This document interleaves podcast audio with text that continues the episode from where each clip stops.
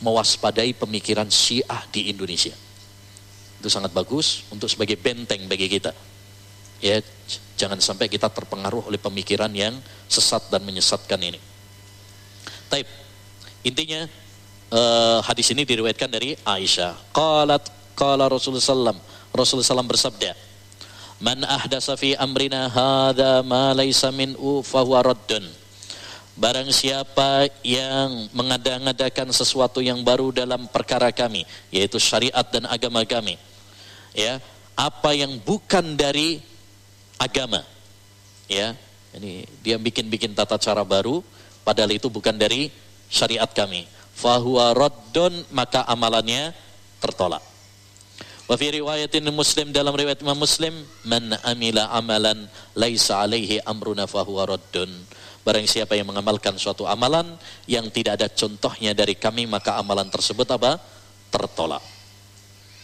Hadis ini hadis yang sangat penting.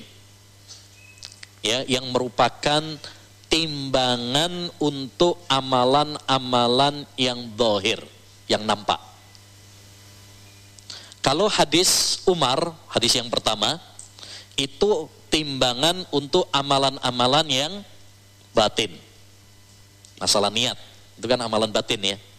Tapi kalau hadis ini untuk amalan-amalan zahir. Makanya dua hadis ini, dua hadis yang pertama sama hadis yang ketiga itu adalah dalil tentang syarat diterimanya amal ibadah. Kalau hadis Umar bin Khattab innamal a'malu niat itu untuk syarat yang pertama yaitu ikhlas. Adapun hadis ini man amila amalan ini untuk syarat yang kedua yaitu ittiba. Ya harus sesuai dengan tuntunan Rasulullah sallallahu alaihi wasallam. Tidak diterima amal ibadah seorang hamba kecuali apabila memenuhi dua syarat ini. beluakum ayyukum ahsanu amala. Allah ingin menguji kalian siapa yang paling baik amalnya.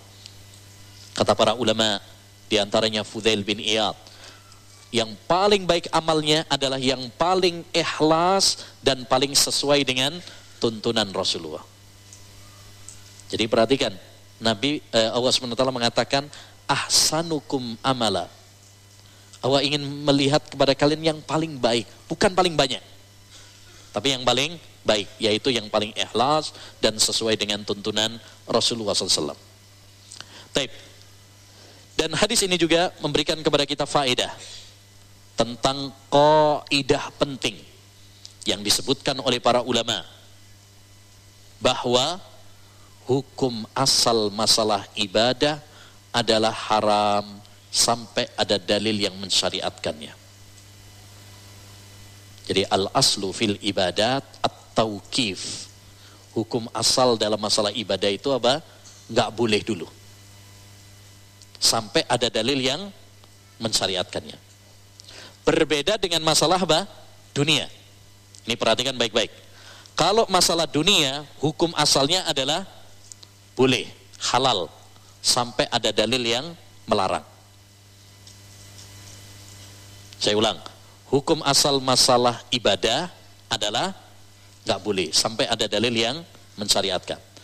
Tapi hukum asal masalah dunia adalah boleh sampai ada dalil yang melarang. Jadi bedakan antara masalah ibadah dengan masalah dunia. Kaidah ini diambil dari banyak dalil. Di antaranya yang paling komplit menggabung dua kaidah tersebut adalah hadis riwayat Ibnu Hibban dengan sanad yang sahih bahwa Nabi Shallallahu Alaihi Wasallam pernah mengatakan, "Ida kana syai'un min amri dunyakum fasya'nukum." Kalau urusan dunia kalian terserah kalian. Wa in kana min amri dinikum fa ilayya. Tapi kalau untuk urusan agama, urusan ibadah, maka harus mengikuti tata cara saya. Taib. Dan di antara faedah dari hadis yang mulia ini adalah tercelanya bid'ah. Apa itu bid'ah? Yaitu perkara-perkara baru yang tidak ada tuntunannya dalam masalah ibadah, dalam masalah agama, bukan masalah dunia. bid'ah itu dalam masalah ibadah. Contoh, ya baru-baru ini kemarin ya, yang lagi viral, ada yang ingin untuk ya punya rencana bahwa yang khotib Jumatnya dari perempuan. Itu bid'ah. Di zaman Nabi sudah ada perempuan-perempuan hebat. Aisyah, istri-istri Nabi, orang-orang cerdas. Tapi nggak ada khotib dari perempuan. Nggak ada. Ya, semuanya dari laki-laki. Tape. Berbeda masalah-masalah dunia seperti mikrofon, pesawat, mobil, HP. Hukum asalnya adalah boleh.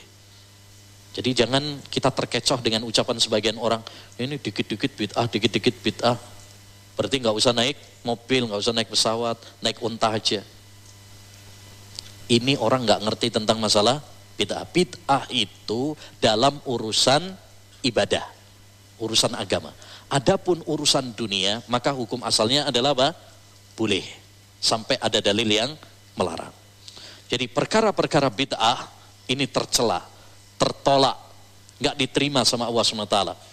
Orang sudah pegel, capek, ngabisin duit, tenaga, waktu, tapi ternyata sia-sia.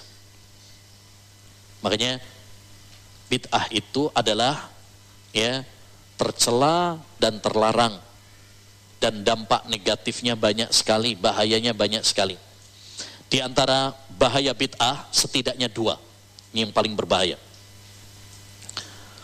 Pertama, orang yang melakukan bid'ah maka dia secara tidak langsung, mau atau tidak mau, dia menuduh bahwa Islam ini belum sempurna.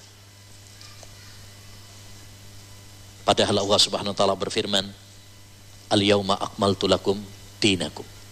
Pada hari ini telah aku sempurnakan agama kalian. Islam sudah sempurna. Bahkan kata sahabat Abu Dhar Al-Ghifari, Rasulullah wafat meninggalkan kami. Tidak ada seekor burung pun yang mengepakkan sayapnya, kecuali Rasulullah telah menjelaskan ilmunya kepada kami. Kedua, orang yang melakukan bid'ah, maka sama saja dia menuduh Nabi Muhammad mengkhianati risalah. Ada syariat yang disembunyikan oleh Nabi. Padahal Nabi sudah menjelaskan semuanya. Jadi ini dua uh, dampak negatif ya bagi orang yang melakukan apa? kebid'ahan. Taib. Hadis yang berikutnya, hadis yang keempat. Anil Irbad ibn Sariyah radhiyallahu anhu qal dari sahabat Irbad bin Sariyah. Semoga Allah Subhanahu wa taala meridhoinya. Qala beliau mengatakan sallalana Rasulullah sallallahu alaihi wasallam. Rasulullah sallallahu pernah solat mengimami kami. Summa akbala alaina fawa'adhana mau'idatan baligha.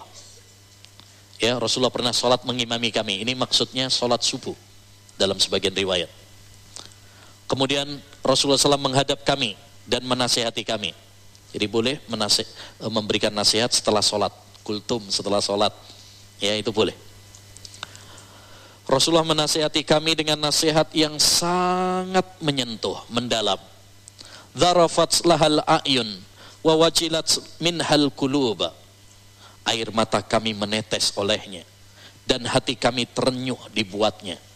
Jadi bergetar hati para sahabat dan mereka menangis, meneteskan air mata mendengar nasihat tersebut.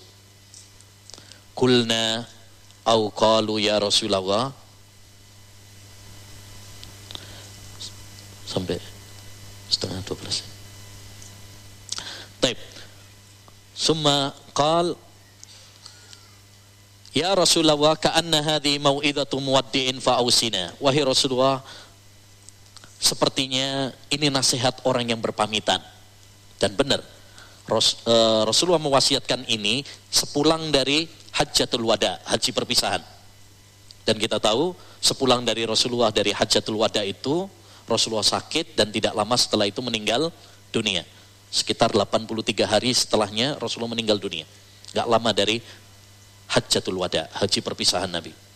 Dan beliau memberikan nasihat ini sepulang dari Hajjatul Wada. Jadi ini seakan-akan wasiat apa? Perpisahan Nabi wasallam yang akan meninggal dunia, orang yang berpamitan. Qala usikum bitaqwallahi was-sam'i wa in kana abdan habasyiya. Aku wasiatkan kepada kalian bertakwa kepada Allah Subhanahu wa taala serta mendengar dan taat kepada para pemimpin walaupun yang memimpin kalian adalah budak dari Habasyah. Habasyah itu mana? Ethiopia, Afrika. Di mana kita tahu uh, yakni kulitnya apa? Hitam. Fa innahu may ya'is minkum yara ba'di ikhtilafan katsira. Siapa yang hidup setelahku nanti, maka dia akan melihat perselisihan yang banyak. Fa'alaikum bisunnati wa sunnatil khulafa'ir rasyidin al mahdiyin. Maka kalau kalian mendapati perselisihan yang banyak tersebut, ya, berpegang teguhlah kalian dengan sunnahku dan sunnah para sahabatku. Fa innahu may ya'is minkum ba'di taib wa sunnatil khulafa'ir rasyidin al mahdiyin. Berpegang teguhlah kalian dengan sunnahku dan sunnah khulafa'ur rasyidin wa adzu 'alaiha bin nawajid. Gigitlah dengan gigi geraham. Mana gigi geraham itu? Gigi paling belakang. Ya, maksudnya bagaimana? Apa Sahih Bukhari digigit gitu? Enggak. Maksudnya kita kalau berpegang teguh dengan sunnah Nabi itu harus kuat. Seperti orang kalau gigit pakai gigi geraham itu kuat. Coba aja antum kalau gigit terus pakai gigi belakang ini kuat. Ditarik insya Allah nggak copot. Ya. Tapi kalau kita gigitnya pakai gigi depan ya, tarik dikit sudah apa? Sudah copot giginya. Ya ini adalah isyarat kita kalau berpegang teguh dengan sunnah Nabi harus dengan kuat. Nggak boleh goyah nggak boleh cengeng. Baru dibilang be hmm, karena gara-gara apa? Eh, dia jenggotan dibilang apa? Mbak udah.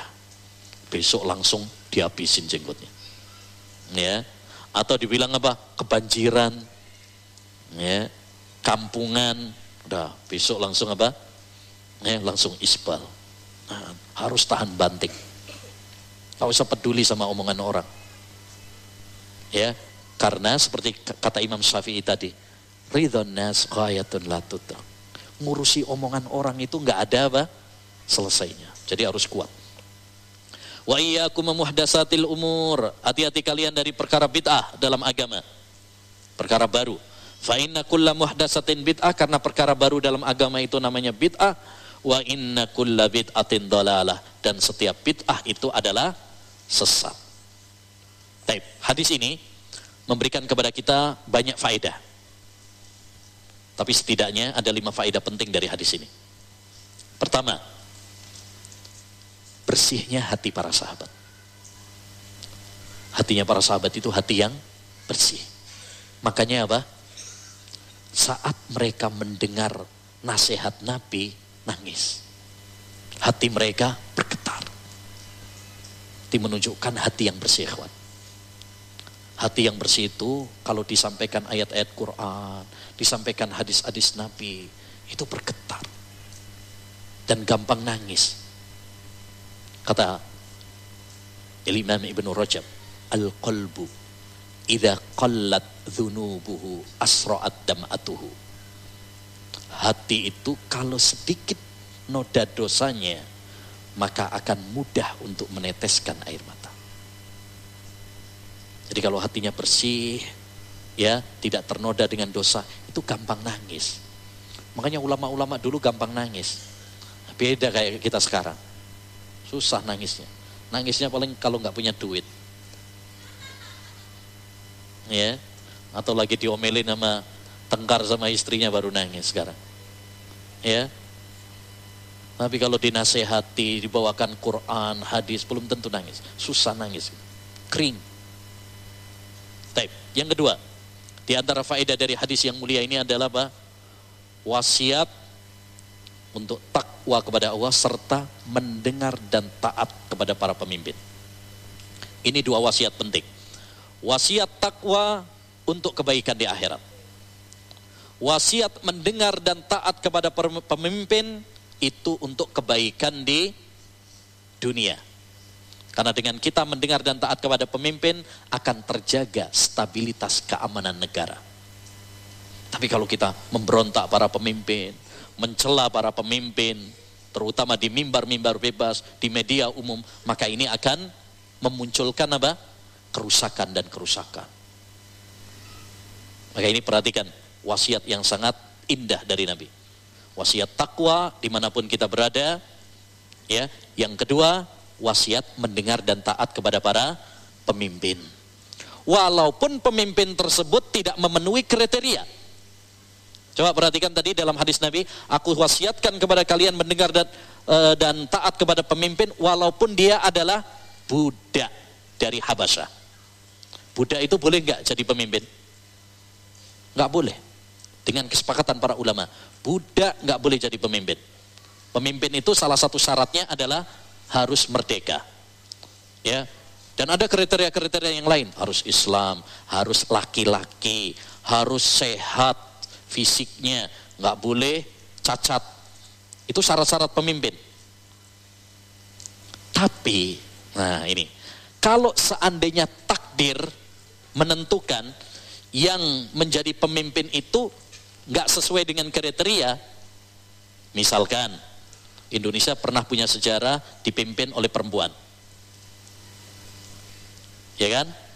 Punya sejarah dipimpin oleh orang yang cacat. Itu kalau kita berbicara tentang uh, syarat kepemimpinan, syarat kepemimpinan itu nggak memenuhi kriteria, nggak boleh. Ya, tapi kalau takdirnya dia yang terangkat, apa yang harus kita lakukan? Memberontak? Enggak. Nabi mewasiatkan, walaupun dia budak dari Habasah, tetap kalian harus mendengar dan taat. Karena tujuan ada pemimpin, tujuan kita harus taat kepada pemimpin adalah menjaga stabilitas keamanan negara. Ya, makanya ini menunjukkan bahwa menjaga stabilitas keamanan negara itu penting ya, kawan.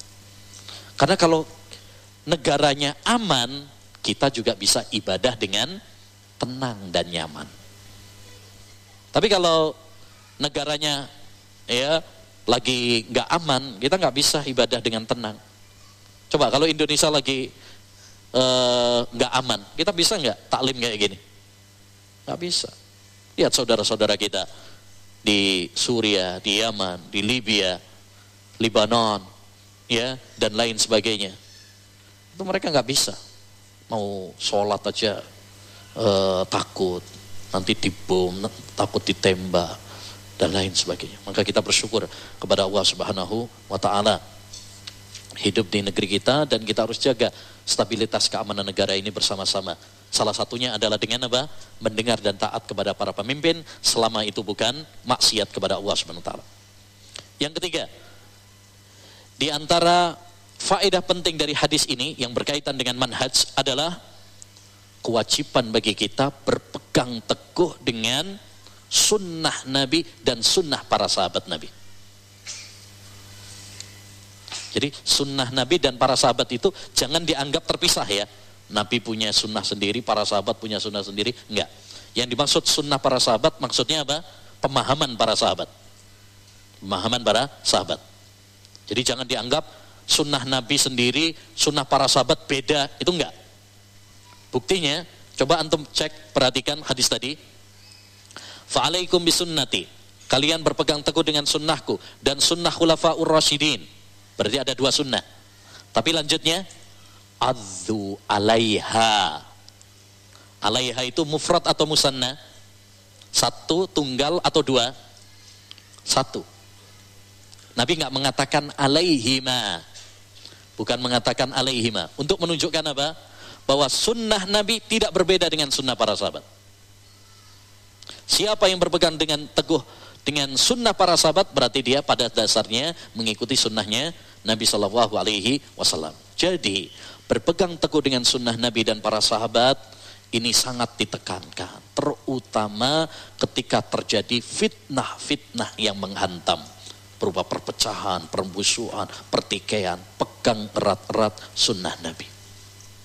Niscaya kita akan selamat. Makanya Imam Malik pernah mengatakan, As-sunnatu kasafinati Nuh. Sunnah Nabi itu bagaikan kapalnya Nabi Nuh. Man rokibaha naja wa man lam yarkabha horik. Siapa yang menaikinya dia akan selamat dan yang tidak menaikinya maka dia tidak akan selamat, dia akan tenggelam. Taib. Dari hadis ini juga dapat kita ambil faedah mewaspadai bid'ah. Setelah tadi Nabi menyuruh kita untuk berpegang teguh kepada sunnah, beliau mengingatkan kita dari bahaya apa? bid'ah. Dan tadi sudah kita bahas ya apa itu bid'ah dan apa bahayanya. Dan di antara faedah dari hadis yang mulia ini bahwa semua bid'ah adalah sesat. Sebagaimana dalam hadis, wa inna kulla bid'atin dhalalah. Setiap bid'ah itu adalah sesat. Tegas Nabi mengatakan. Kullu. Kullu itu dalam bahasa Arab min akwa al-fadil umum. Termasuk lafat umum yang paling tegas dan kuat. Semua. Tidak boleh kita mengecualikan kecuali kalau kita memiliki dalil yang menge bisa mengecualikan. Kalau nggak punya dalil yang mengecualikan berarti harus dibawa kepada keumumannya. Harus dibawa kepada keumumannya. Dari sini dapat kita ketahui kesalahan orang yang melakukan perbuatan-perbuatan bid'ah dengan alasan betul ini bid'ah nggak ada di zaman Nabi, tapi ini bid'ah hasanah. Bid'ah yang baik. Akhirnya semua bid'ah baik menurut dia. Sampai di Jawa itu ada majelis taklim lucu namanya. Majelis taklim bid'ah hasanah. Majelis taklim bid'ah hasanah. Mantap namanya. Taib. Jadi setiap bid'ah adalah apa? Sesat. Dengan ketegasan sabda Nabi. Dan ini yang dipahami oleh para sahabat. Ya, kata sahabat Ibnu Umar, kullu bid'atin dolalah wa in ra'ahan nasu. Setiap bid'ah itu adalah sesat walaupun manusia menganggapnya baik. Ya. Nah. Demikian ayyuhal ihwah wal ahwat rahimani wa rahimakumullah. Empat hadis yang bisa kita uh, pelajari pada pagi ini. Insyaallah taala nanti akan kita lanjutkan pada pertemuan-pertemuan berikutnya setiap ahad ke empat biidznillah insyaallah. Semoga Allah mudahkan. Tip selanjutnya uh, insyaallah taala mungkin kita buka uh, soal jawab ya.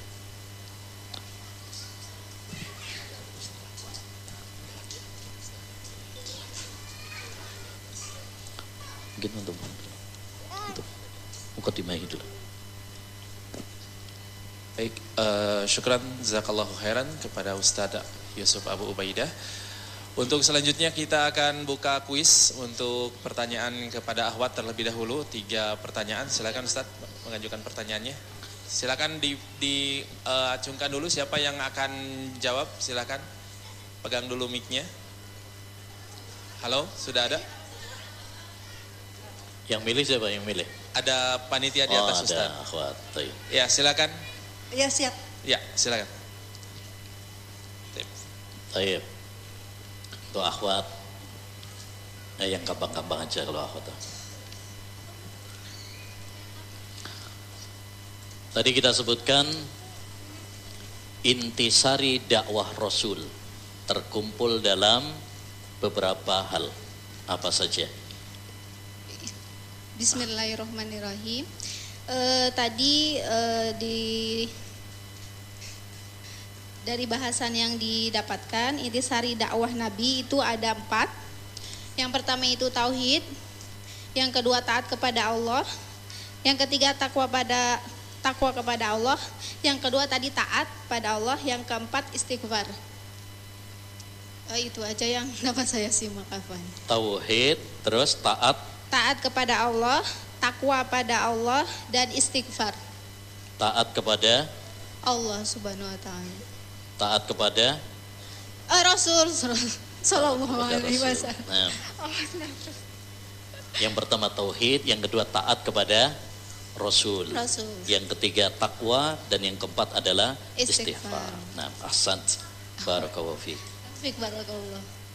Ya, pe- penjawab selanjutnya silakan. Suruh ngangkat tangan dulu gitu. Iya. Oh, Ya, silakan sudah. siap. Halo. A- Araraya kene.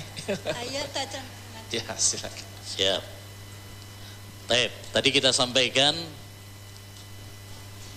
dua bahaya perbuatan bid'ah. Dua bahaya perbuatan bid'ah. Nah,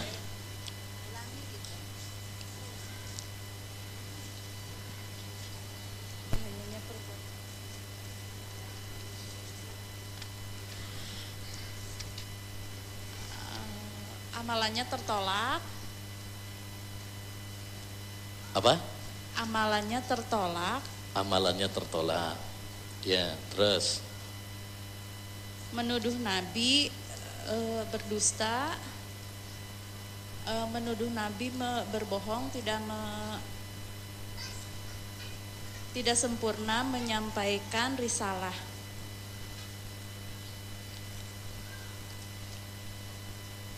diulangi lagi, diulangi lagi. Bahaya bid'ah di antaranya ada dua, menuduh bahwa Islam belum sempurna, Nah, menuduh Dua. Islam belum sempurna. Baik. Yang kedua, menuduh Nabi Muhammad SAW mengkhianati risalah. Masya Allah. Ya, Barokofi. Taib. Ada revisi berarti. Ya, satu lagi penjawab. Hadiahnya diambil di panitia ahwat ya. Sudah ada di atas. Baik. Yang ketiga ya? Ya. Yang ketiga. Sudah ada? Yang siap? Ada ustazah. Eh, Efsal. Baik. Sebutkan tanda-tanda ahlus sunnah wal jamaah tanpa lihat catatan.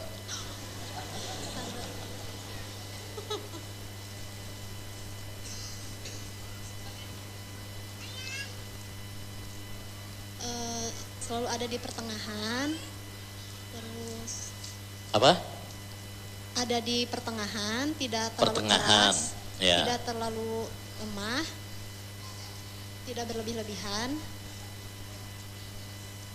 Yang tidak kedua, tidak meremehkan dan orang yang sabar, sabar. Nah, tegar. tegar. Tegar di atas kebenaran ya terus. Yang ketiga, Eh, mencintai persatuan, nah bersatu dan tidak berpecah belah. Nah, yang keempat, eh, sangat semangat mempelajari ilmu, nah semangat belajar ilmu agama. Nah, barakallahu fiik. Sudah. Sekarang buat ikhwan. Nah, Ya, silakan sekarang bersiap-siap untuk ikhwan. Santri boleh jawab Ustaz? Eh, sebagian santri sebagian. Sebagian santri, sebagian jemaah Ustaz ya. Nah, sekarang untuk santri dulu aja ya. Ya, acungkan siapa yang mau jawab pertanyaan Ustaz? Ayo, berani. Pada takut disuruh tutup buku kayaknya. Ya, boleh, boleh, boleh. Buka catatan boleh. Boleh buka catatan. Ya, siap. Cung. Ah.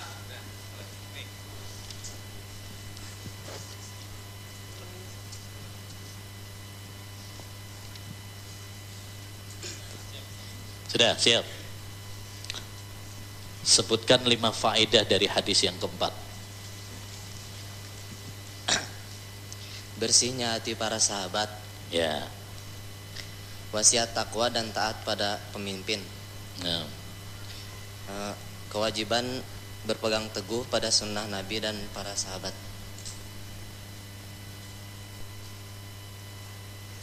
terus. mewaspadai mewaspadai bid'ah Nah, ya. dan bahwasanya setiap bid'ah itu sesat. Masya Allah, barakallahu fi. Suruh milih, ini atau ini? Ini ada ini. Milih tapi ya, jangan dua-duanya.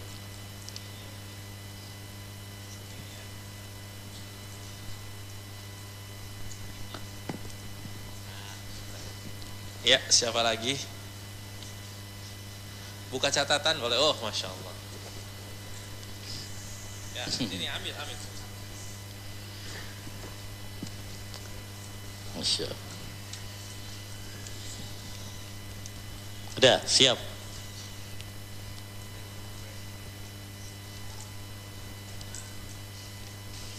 Sebutkan nama-nama ahlus sunnah.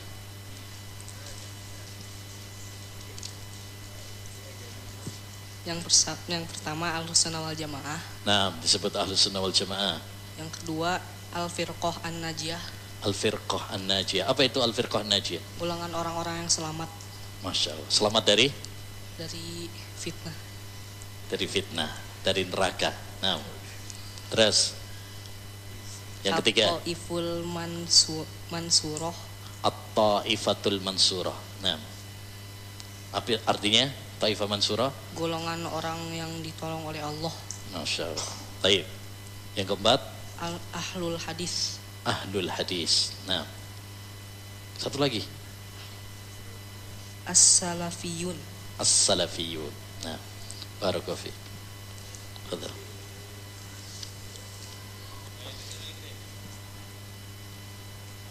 Kalau yang kecil dapat itu empat judul. Kalau yang satu, satu judul lebih gede.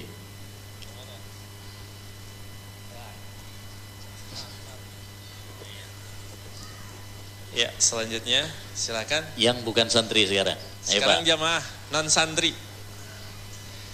Ayo. Boleh buka catatan. Aduh, ketinggalan tadi catatannya, bahaya.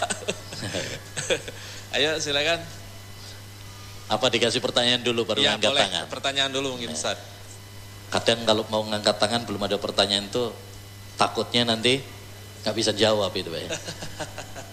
kalau pertanyaan dulu bisa ngukur saya bisa apa enggak. Gitu. Taib. Eh, apa kaidah yang bisa diambil yang diambil dalil oleh para ulama dari hadis yang ketiga?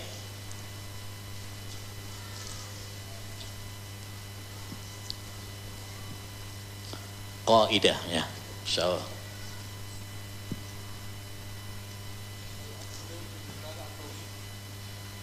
Ya. Artinya apa, Pak?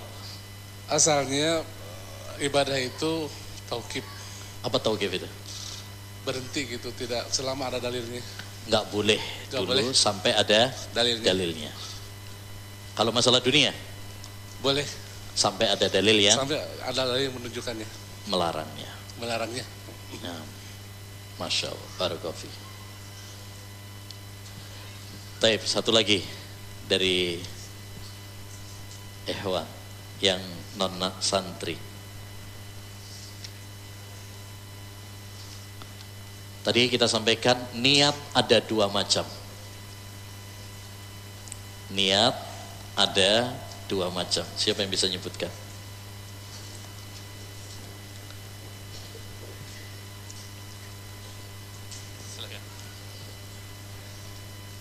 Bismillah. Niat untuk siap beramal, niat ketika beramal. Ya. Niat untuk siapa dia beramal? Ini yang disebut dengan disebut juga dengan apa? Aduh, gak ketulis. Yang disebut juga dengan ikhlas. oh ya, ikhlas ya. Ikhlas. Taib. Yang kedua, niat dalam Ketika beramal. Dalam beramal. Fungsinya apa itu? Eh, di, eh, apa?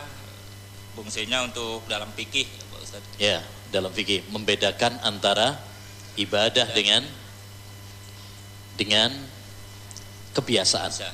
adat istiadat. Nah, barakallahu fiik. Sudah tadi?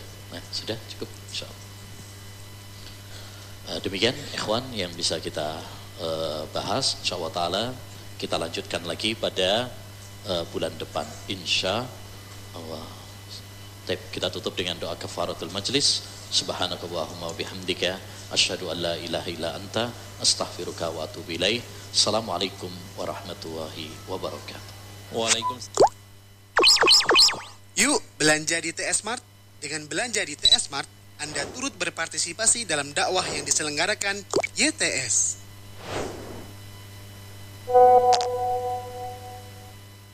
Download aplikasi Tarbiyah Sunnah di handphone Anda.